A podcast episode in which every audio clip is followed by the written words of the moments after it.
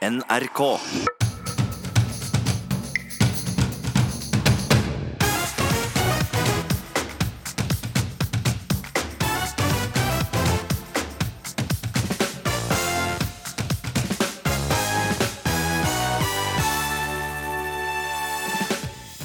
Gildes reklame provoserer etter avsløringer i Brennpunkt dokumentar. Har du tråkka i salaten, så stå for guds skyld stille, sier omdømmeekspert som møter Nortura til debatt.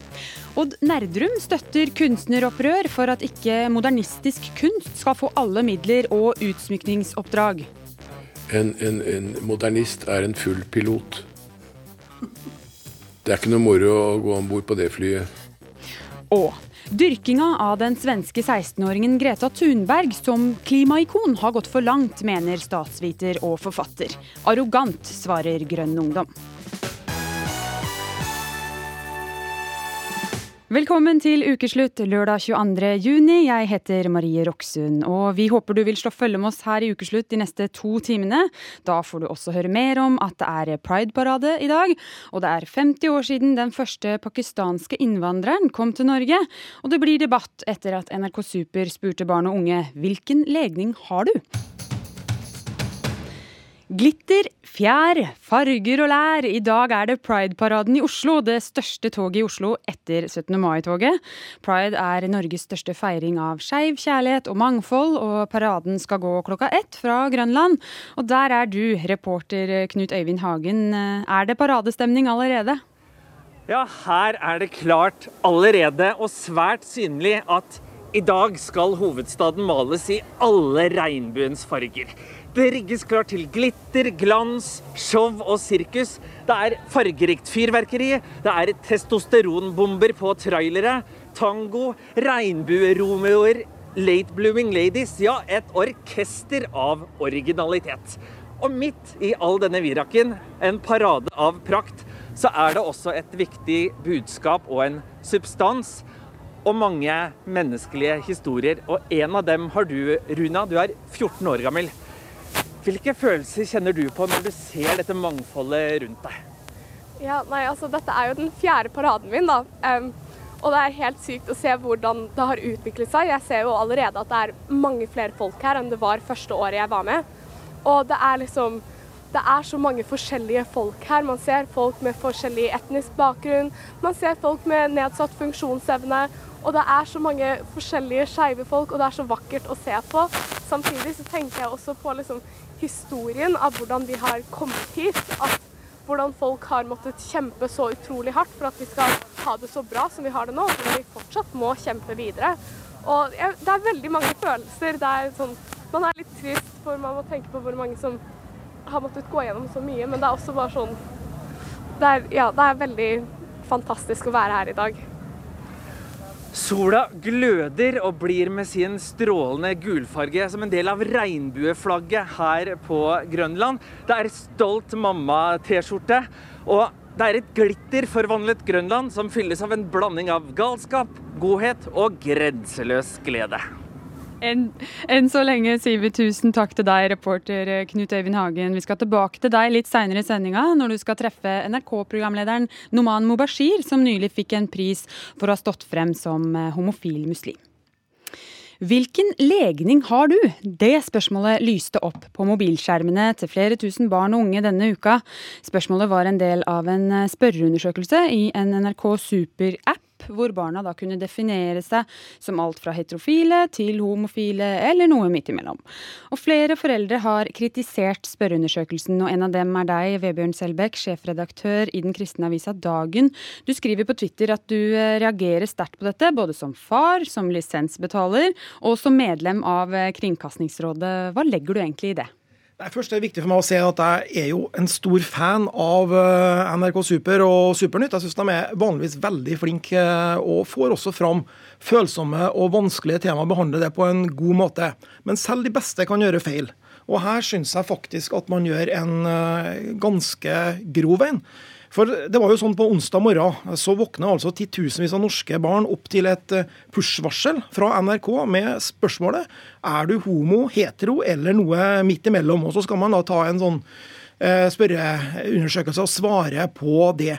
Og Det føler jeg er en diskusjon, et, en tematikk som jeg tror mange norske foreldre, i hvert fall får vi de tilbakemeldingene fra de som henvender seg til oss, at dette er en, en ting som eh, foreldre sjøl ønsker å snakke med barna om, og at dette her er svært lite egnet for denne typen eh, push-varsel, spørreundersøkelser, klikk på appen eh, osv. Men syns du ikke barn skal ta stilling til egen seksuell legning? Jeg er usikker på om eh, barn ned i disse aldrene eh, er eh, i stand til det, om at det er, bra at man gjør det. Og, det.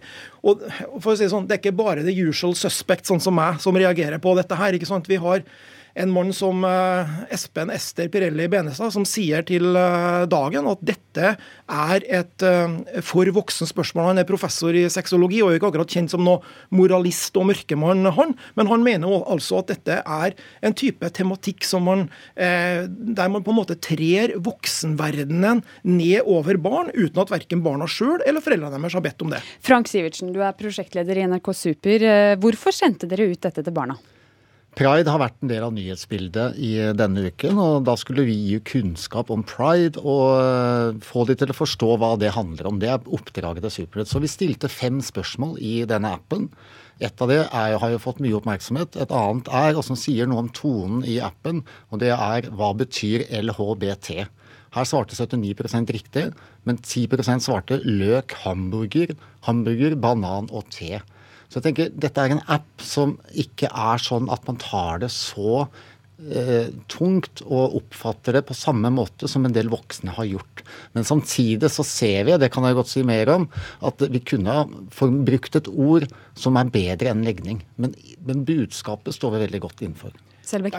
Du, du, et av svarealternativene da, når du spør om hvilken legning eh, barna har, det er eh, 'jeg liker begge', eh, og da i klammer 'bifil', som det står for barna. Og, og det er jo sånn at De fleste eh, barn i denne alderen, og da snakker vi jo om at i appen så står det i AppStore så står det at den er eh, anbefalt fra fire år og oppover. De fleste barn i de aldersgruppene, og langt oppover også, eh, liker jo både gutter og jenter uten at man legger verken noe seksuelt eller noe som har med legning i det. Og Her, her føler jeg at dere som er voksen i NRK Super, dere er med på, på en måte å seksualisere eh, barndommen.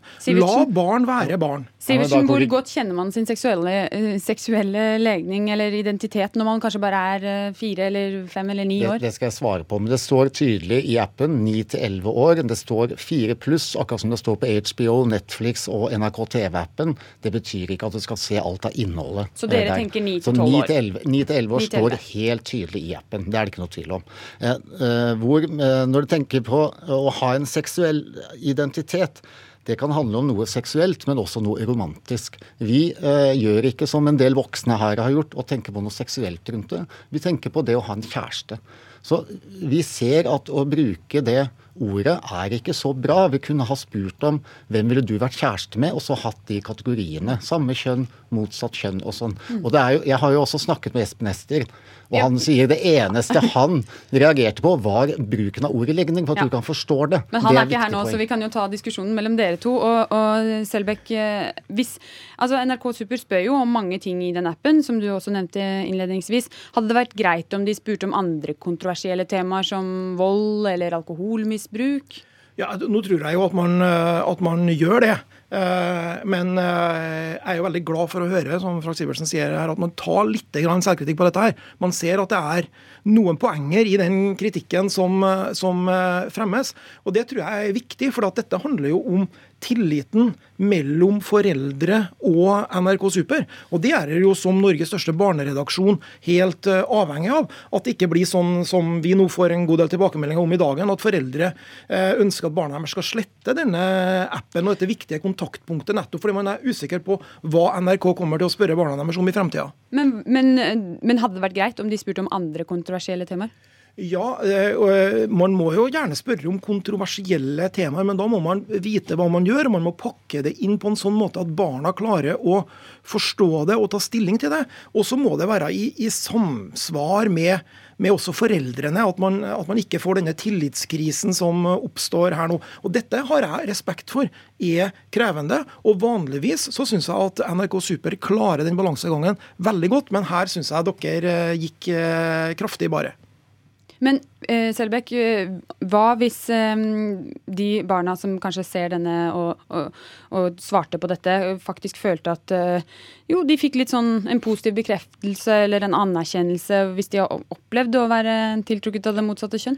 Og det tror jeg at noen barn kan oppleve dette positivt, og det kan være en, en, en fin måte å gjøre det på. Men husk på at dette her, når du, når du sender ut i en app, så sender du ut til titusenvis. Altså, du vet jo ikke uh, hvem du, du, du, møter. og Det er det her jeg mener at man stiller spørsmålet altfor bredt. Og du vet jo heller ikke om, om det bare er 9-11-åringer. Altså, det er jo barn langt ned i aldersgruppene som har lasta ned den appen, og som får disse spørsmålene, og som svarer på dem. Sivertsen.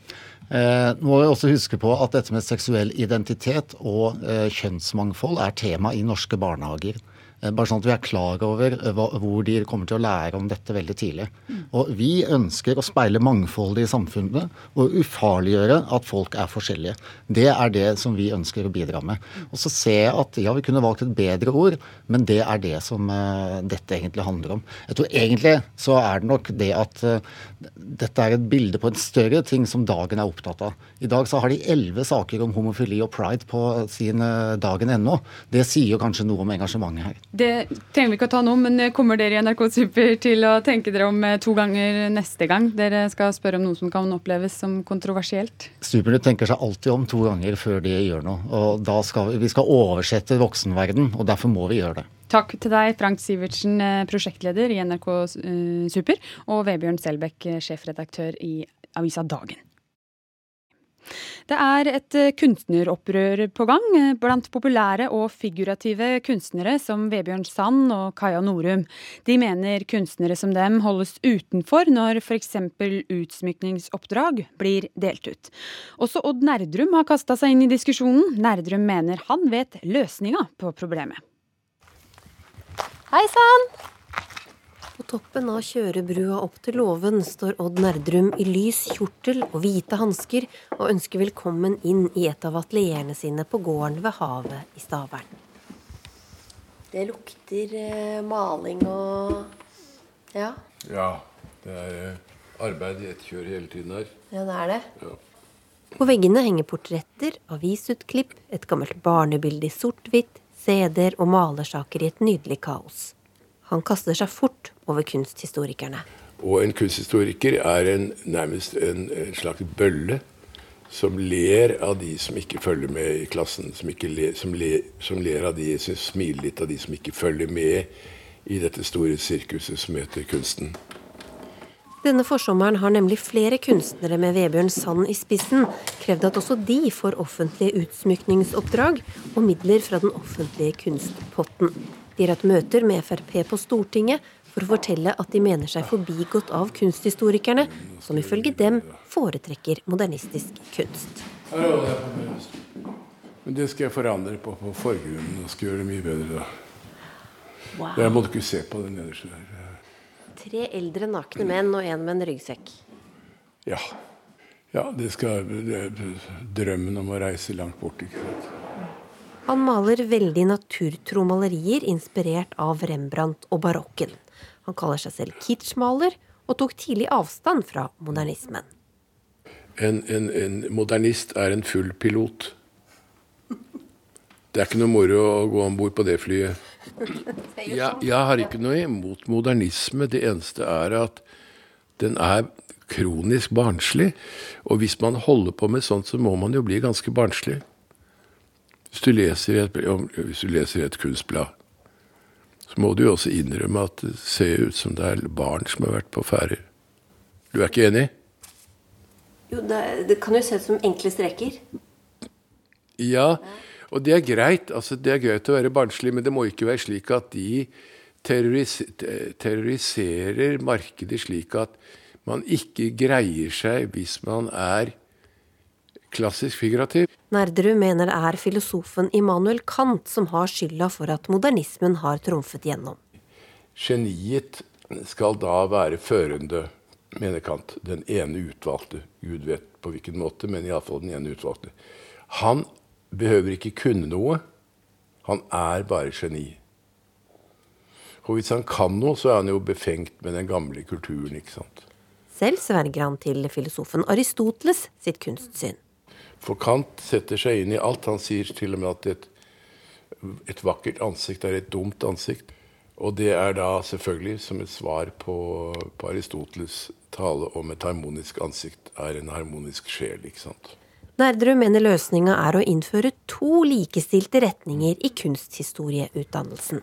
Så den eneste måten man kan bli ferdig med det på, er å lage to linjer på kunsthistoriske, og selvfølgelig også få inn eh, de klassisk figurative som jury i forhold til da oppgaver ved å lage ja, offentlige oppdrag eller slike ting. Øyvind Storm Bjerke er professor i kunsthistorie ved Universitetet i Oslo.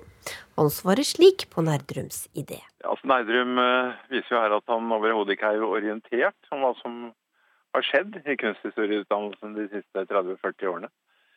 I dag er jo dette et uh, svært oppdelt studium med en rekke spesialiteter. Så um, hva, hva, som skulle ligge i å todele, det, det er nesten meningsløst uh, tenkt. Han mener kunsthistorikerne er åpne for alle kunstuttrykk, og påpeker at Nerdrum selv har vært en dominerende skikkelse i norsk kunstliv i 50 år. Det er klart altså at den eh, type maleri f.eks. i samtiden som eh, Nerdrum arbeider med, og som er veldig barokkinspirert etc., etc., det har jo en begrenset interesse eh, blant kunsthistorikere. Men det er jo skrevet flere avhandlinger som er knyttet til Nerdrum og den type maleri. Altså Hvis du tenker på en god del andre kunstnere og hva de holder på med, og kunstneriske uttrykk, eh, så har jo dette fått betydelig mer oppmerksomhet enn det meste annet når det gjelder norsk kunst, f.eks. Hva mener du om eh, kritikken da, mot hvem som får offentlige utsmykningsoppdrag? Jo, eh, altså det er jo en litt annen skål. Det kan vel være grunn til å tro at kunstnere med kan du si, mer enn denne type figurativ tilnærming, som Leidrum har, og Vebjørn Sand og en rekke andre, at de nok i større grad burde vært eh, benyttet i forhold til offentlig tilgjengelig kunst og offentlige oppdrag. Men der er jo en ting, og det er jo ofte er dette konkurransebasert. Og i hvilken grad de har deltatt i disse konkurransene, det, er, det, det vet jeg ikke. Kan du gå rundt hjørnet? På landstedet i Stavern serverer Nerdrum kaffe og sjokolade. Han tror at mer av hans type kunst vil skape begeistring blant folk. Jeg tror at det vil bli et mirakel som kommer til å skje da. For jeg tror det har kommet folk til å bli så begeistret og, og synes det er så moro. Det blir litt det samme som franske salong, hvor alle var helt, eh, helt panegyriske. På samme måte som man er i dag. Og for, fotball og Hollywood-film og sånn. Reporter i saken var Linn Beate Gabrielsen. Amir Javed Sheikh mener andre innvandrere som har kommet etter pakistanere, har mye å lære av hvordan pakistanerne har integrert seg. Det er 50 år siden den første pakistanske innvandreren kom til Norge. Og er det påtrengende eller hyggelig å snakke med fremmede på gata? Etter en kronikk er det flere hundre kvinner som deler historier om ukjente menn som kontakter dem på bussen. Noen ganger så vil jeg bare sitte i mine egne tanker, og da må det være lov, uten å bli oppfattet som enten en jævla fitte eller snerpete. For 50 år siden kom den første pakistanske innvandreren til Norge, og i årene etter ble det fulgt opp i ulike nyhetsmeldinger.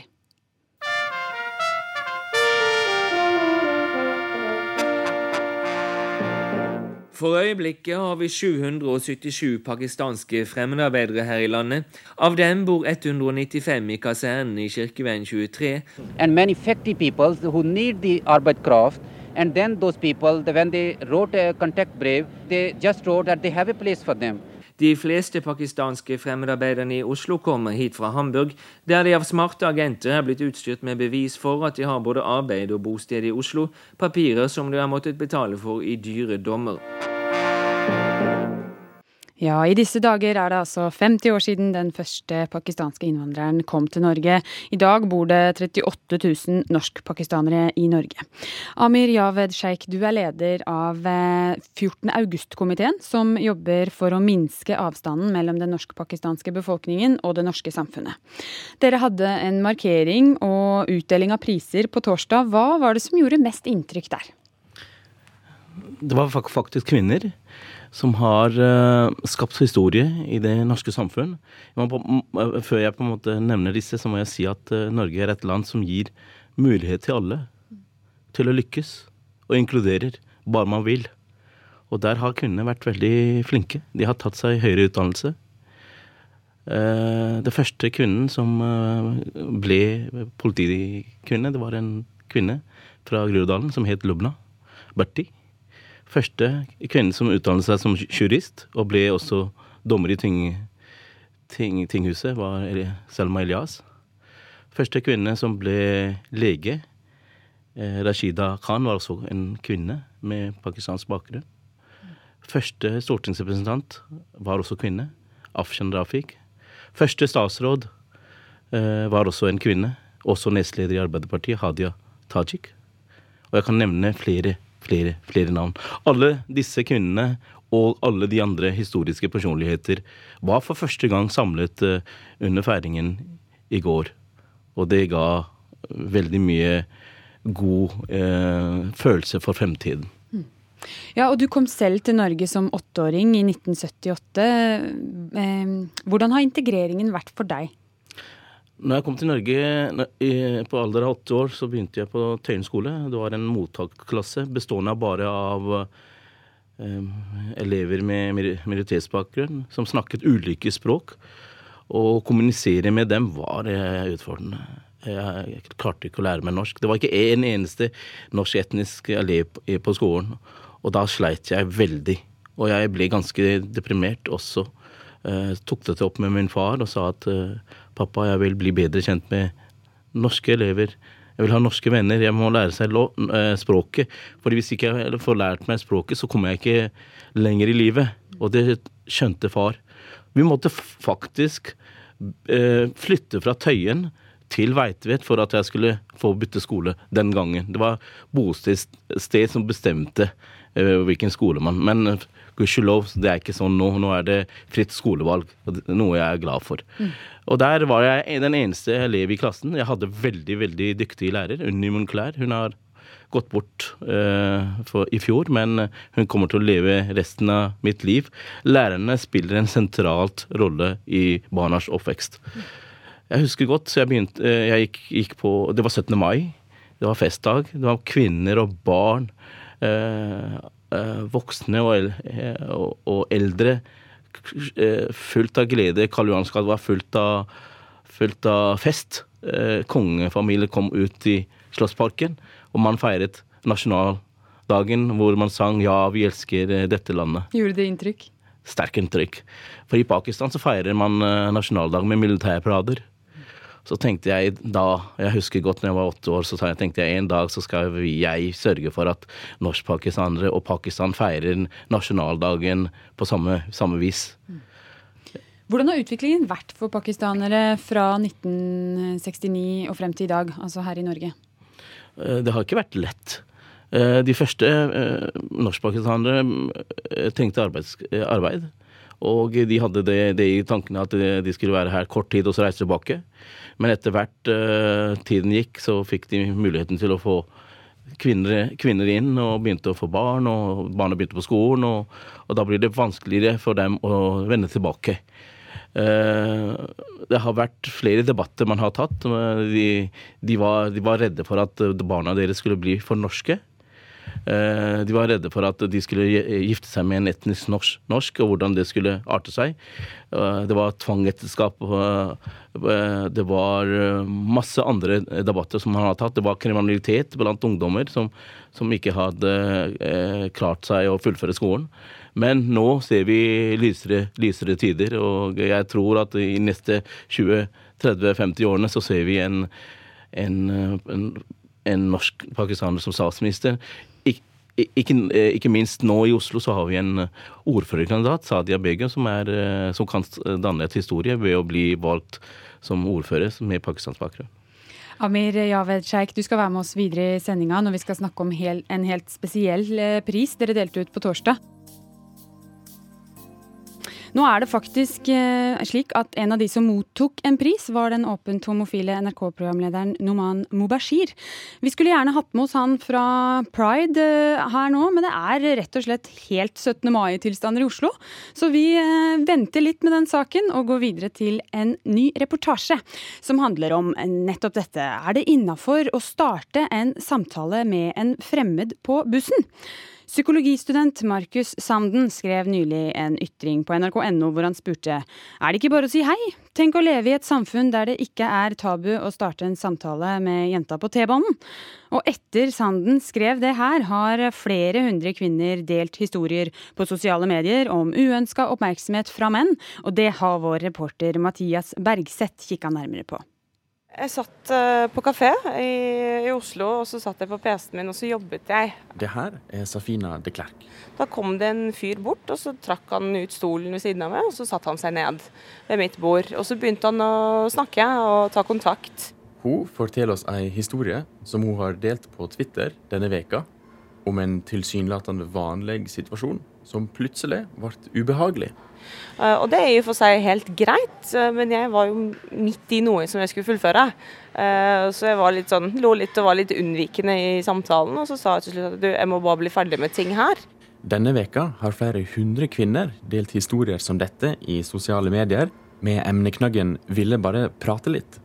Det er en reaksjon på diskusjonene i kommentarfeltet under en kronikk på NRK Ytring om å ta kontakt og snakke med fremmede. De vil vise at uønska kontakt kan være ubehagelig og truende for kvinner. Eh, og da sa han rett ut eh, faen, tror du du er bedre enn meg? Og da ble jeg jo litt sjokka, så da sa han nei, jeg er bare ikke så interessert i å preike nå. Um, og da spør han ja, hvorfor ikke? Som om det ikke holder å si at jeg er bare ikke interessert nå. Og så sa jeg at jeg er bare ikke interessert, uh, og så må jeg bli ferdig her. Og da topper han på en måte, avslutter han hele seansen med å si 'jævla fitte, hvem faen tror du at du er'? Dette er ikke den eneste gangen Safina har opplevd noe slikt. Mange av historiene som har blitt delt på Twitter denne veka, handler om uønska oppmerksomhet på buss og kollektivtransport. Du sitter jo plutselig veldig mye mer fastlåst i situasjonen. Eh, det er ikke bare å reise seg og gå. Eh, det er en veldig klar og tydelig barriere. Vi sitter ved siden av hverandre på bussen. Hun sitter ved vinduet, og jeg sitter mellom henne og midtgangen. Og det blir fort uh, mer ubehagelig enn det nødvendigvis opplevdes ut på en åpen gate. Du føler at du mister litt av kontrollen du så gjerne skulle hatt over situasjonen. De fremmede mennene sine versjoner av historiene som har blitt delt, kjenner vi ikke. Så vi veit ikke hva de tenker om slike situasjoner.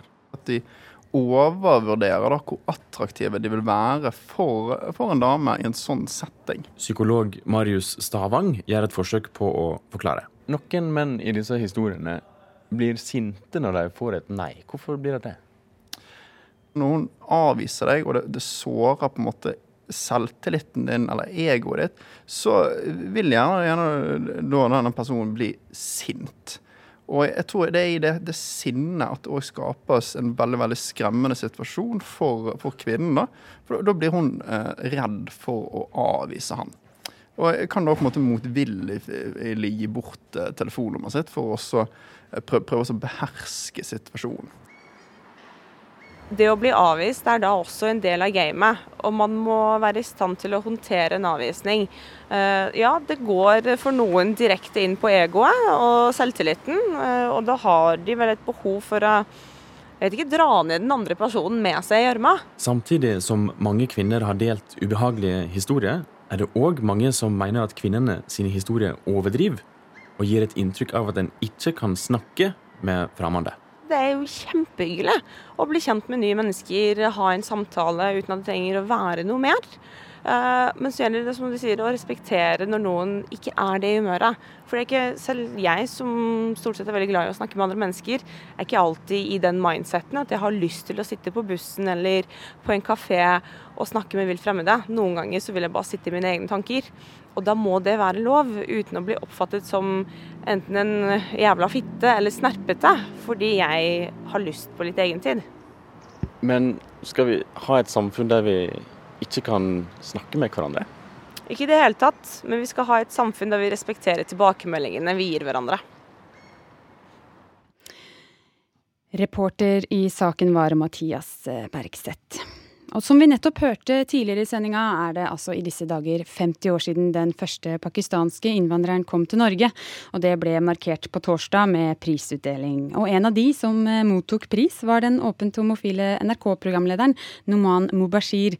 Du er med oss på telefon. Du skulle egentlig vært uh, i Pride-paraden nå. Uh, har du kom, rukket å komme fram?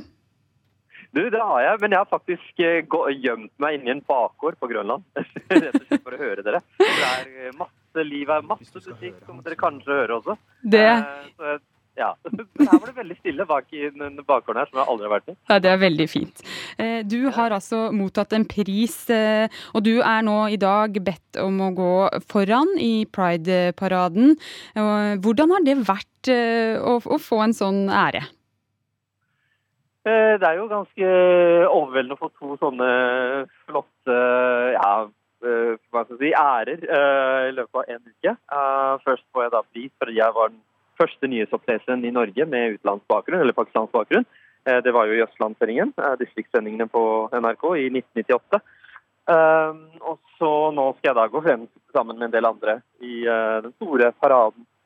Så det er veldig stas og veldig hyggelig. Og samtidig så tenkte jeg på da jeg satt i trikken og kom, skulle nedover hit til Grønland, så tenkte jeg at tenk alle de årene jeg drømte om å gå i paraden, men ikke turte. Mm. Eh, og nå er det nesten som en sånn selvfølge.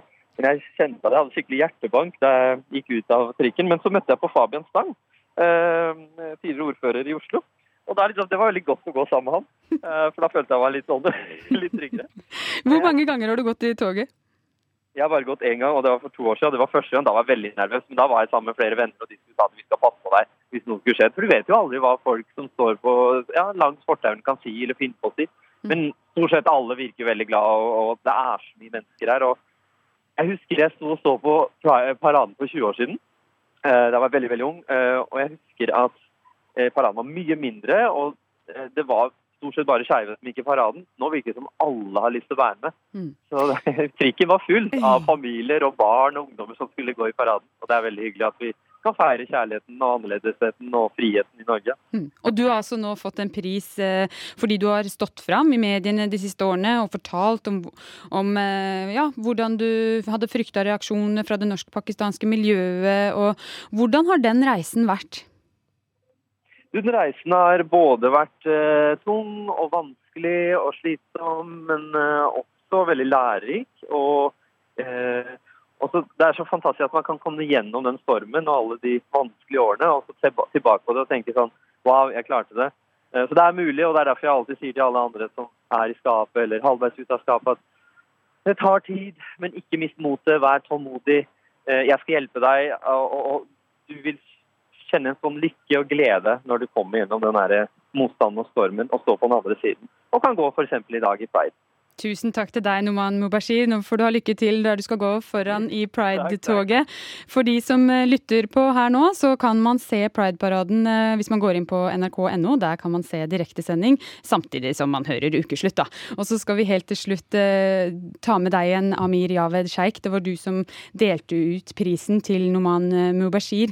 Hva var begrunnelsen for at han fikk den prisen i forbindelse med at dere feira at det er 50 år siden første pakistaner kom til Norge? Eh, først, først, må jeg gratulere Noman Bobeshi for at han skal gå først i tog og har muslimsk bakgrunn. Og vi er veldig stolte av han. Eh, grunnen til at han fikk eh, prisen, var at han var den første historiske nyhetsoppleser i NRK, og noe vi er stolte over. Og det har for oss i juryen så har ikke det noen betydning om vedkommende, hvilken legning vedkommende har, om man er homofil, lesbisk eller kristen, muslim eller jøde. Det er den jobben vedkommende gjør som selger mest for oss. Det, det var ekstra gledelig at hele det norsk-pakistanske muslimske miljøet var samlet. Den, imamen i den største menigheten også satt også der, også mange andre.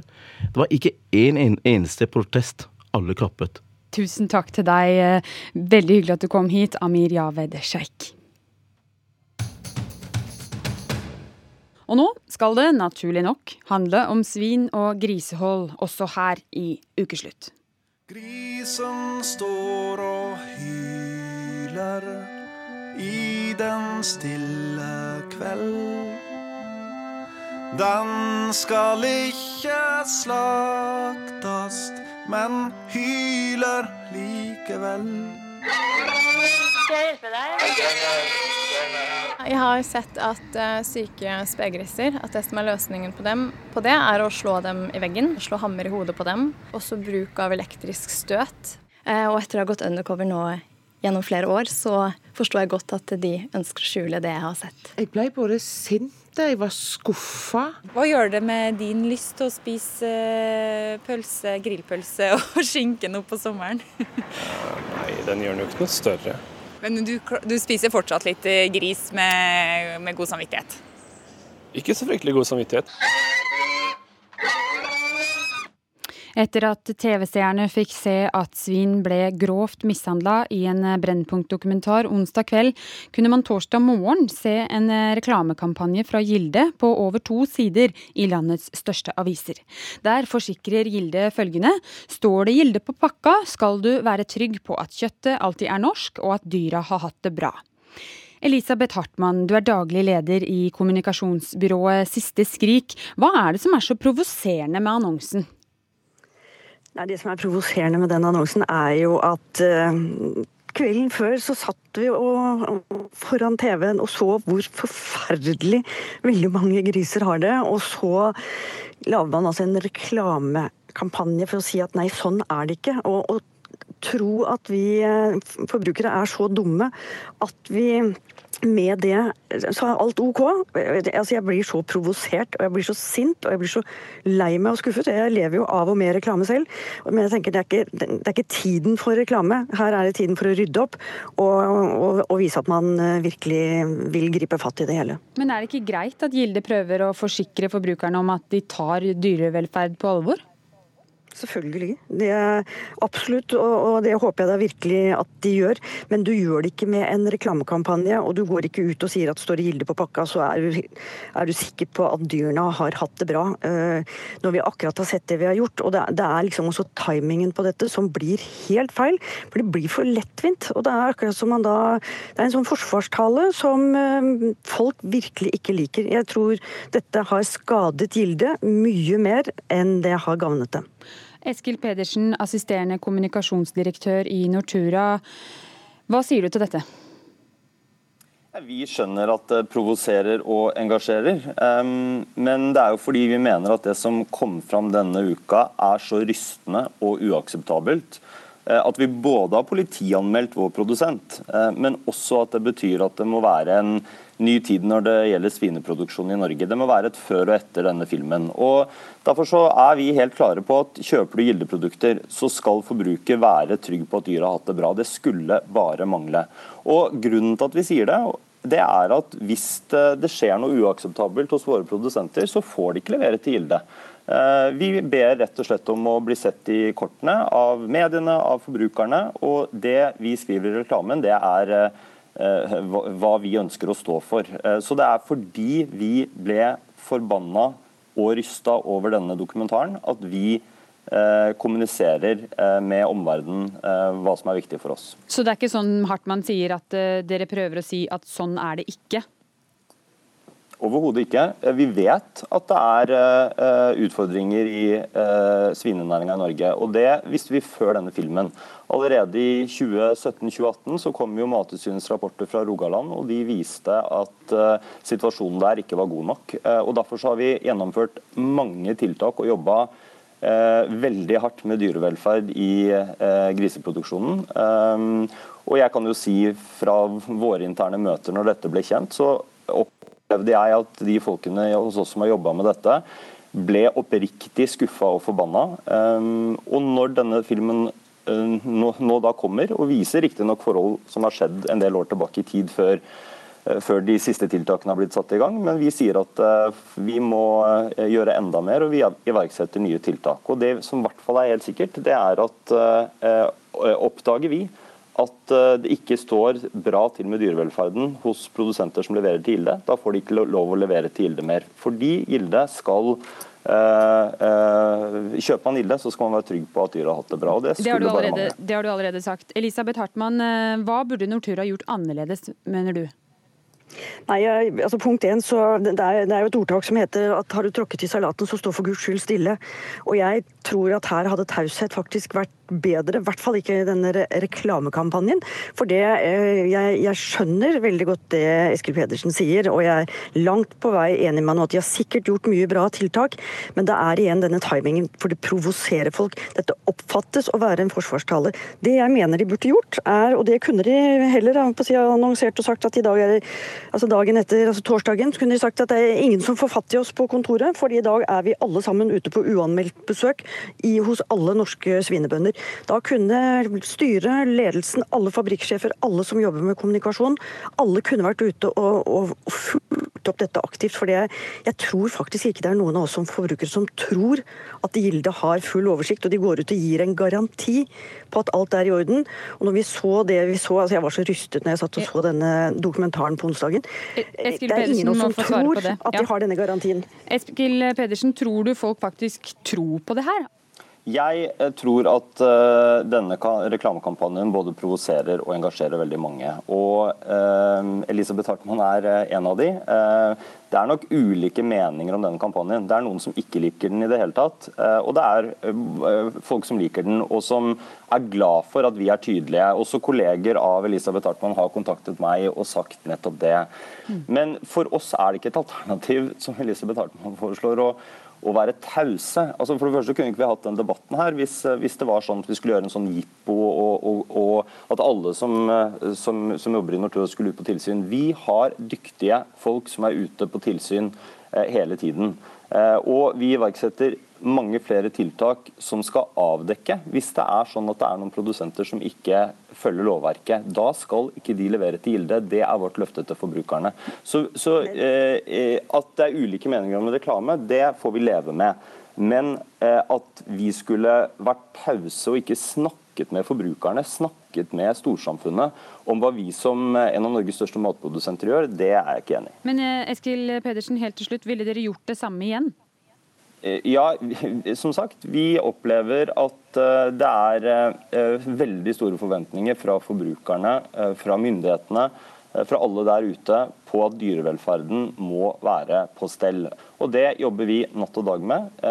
Vi tror at det er fullt mulig for oss å si at folk kan stole på Gilde. Eh, Og at dyra skal ha det bra eh, hvis de blir til Gilde-produkter. Det er vårt løfte til forbrukerne, og det må vi levere på. Vi ber om å bli sett i korta.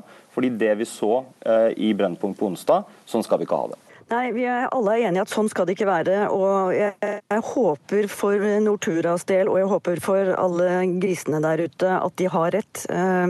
For sånn kan vi ikke ha det.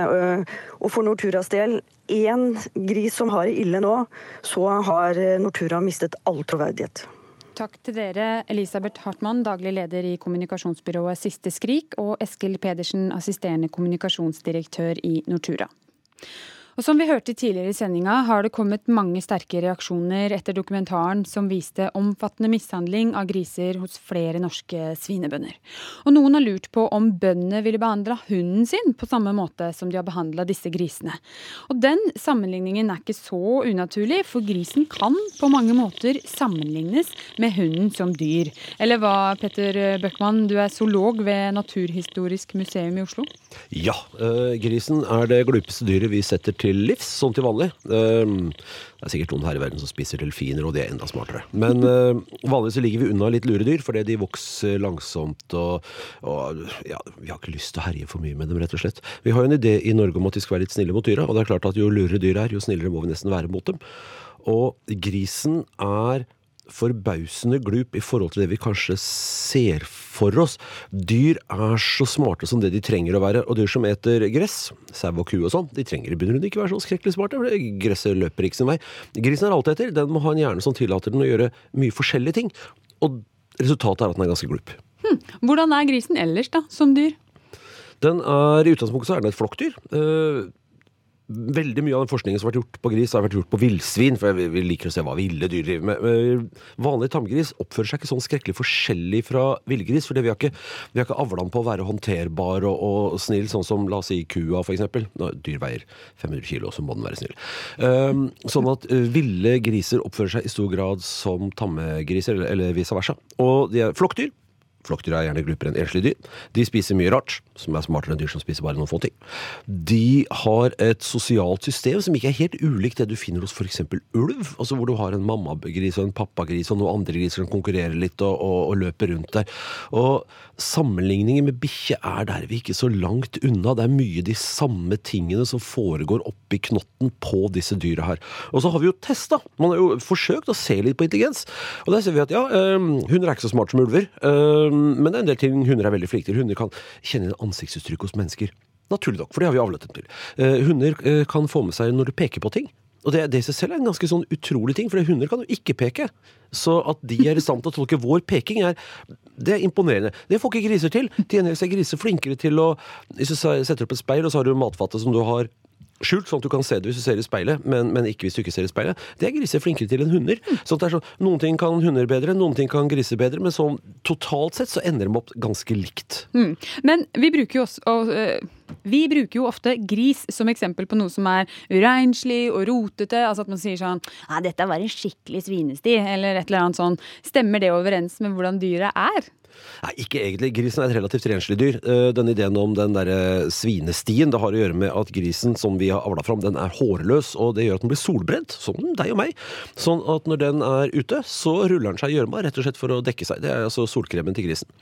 Er det derfor man sier en svinesti? Derfor blir det en svinesti. Og derfor er grisen grisete. Men ideen om grisen som et skittenferdig dyr og et negativt dyr, det er, det er kulturelt, og det har mer å gjøre med forholdene nede i Midtøsten enn enn her i Norge. Både jøder og muslimer, og også for så vidt de tidlige kristne, likte ikke gris. I Midtøsten så er det en utbredt forestilling om at du skal ikke drive og spise dette dyret der, det er ikke bra for deg. Og det er jo sant. Hvis du lever i Midtøsten med relativt dårlig sentraladministrasjon og veterinærmyndigheter i praksis fraværende, så hadde ikke jeg heller spist gris. Men her i Norge gjør vi det. Det er jo forbundet med kos og jul og Ikke sant. Og her ser vi, Dette er møtet mellom og tradisjoner. Vi har på en måte en litt sånn altså si, tvisynt eh, syn på grisen. På den ene så har vi eh, begrepet svineri, og på den andre siden så har vi jo juleribba, som jo tilnærmet er en hellig handling i Norge. Vi feirer jo ribbe, vi, i dette landet. Det er jo, Jul er en litt sånn dårlig unnskyldning for å spise ribbe. Og det kommer nok sannsynligvis av vær- og føre- og klimaforhold. Det er kaldere her i Norge. Det er ikke så mye parasitter ute og går. Sånn at det, og vi har større friområder å ha grisen på. Sånn at gris i Norge har tradisjonelt vært sunn og veldig god mat, mens det nedover i Midtøsten har vært atskillig mindre sunn. Jeg merker at dette kunne vi snakka veldig mye mer om, men vi må dessverre runde av. Petter Bøckmann, zoolog ved Naturhistorisk museum i Oslo, tusen takk for at du kom her til ukeslutt. Grynt, grynt. Dyrking. Dyrkinga av den svenske 16-åringen Greta Thunberg som klimaikon har gått for langt, mener statsviter og forfatter. Det er arrogant, svarer Grønn Ungdom. Og er du en av de heldige som har gått ut i ferie denne uka, er du kanskje spent på værmeldinga. Det blir som vanlig trafikk og vær mot slutten av sendinga vår her i Ukeslutt. My name is Greta Thunberg. I am 15 years old and I'm from Sweden. I speak on behalf of climate justice now. Many people say that Sweden is just a small country and it doesn't matter what we do. But I've learned that you are never too small to make a difference. And if a few children can get headlines all over the world just by not going to school, then imagine what we could all do together if we really wanted to. Slik hørtes det ut da Greta Thunberg talte under FNs klimatoppmøte i desember i fjor. Den nå 16 år gamle svenske jenta har blitt internasjonalt kjent, og har siden talt til EU, og har derfor blitt et eh, forbilde eh, for mange klima- og miljøforkjempere. Dyrkingen av Thunberg har gått for langt, og det er noe som skurrer når en 16 år gammel jente med fletter holder så sofistikerte taler. Det skriver du, Åse Thomassen, eh, statsviter og forfatter, i en kronikk på Ytring som man finner på nrk.no. Hva mener du med dette? Hørte du Eh, spørsmålet mitt? Ja da. Greta Ja. Thunberg hun er nok genuint opptatt av klima. Fullstendig opptatt av klima. Men bak henne så er det jo klimalobbyister. Og man eh, tar dette barnet eh, foran seg eh, med fletter og det rene barnet i en verden som ikke er ren i det hele tatt.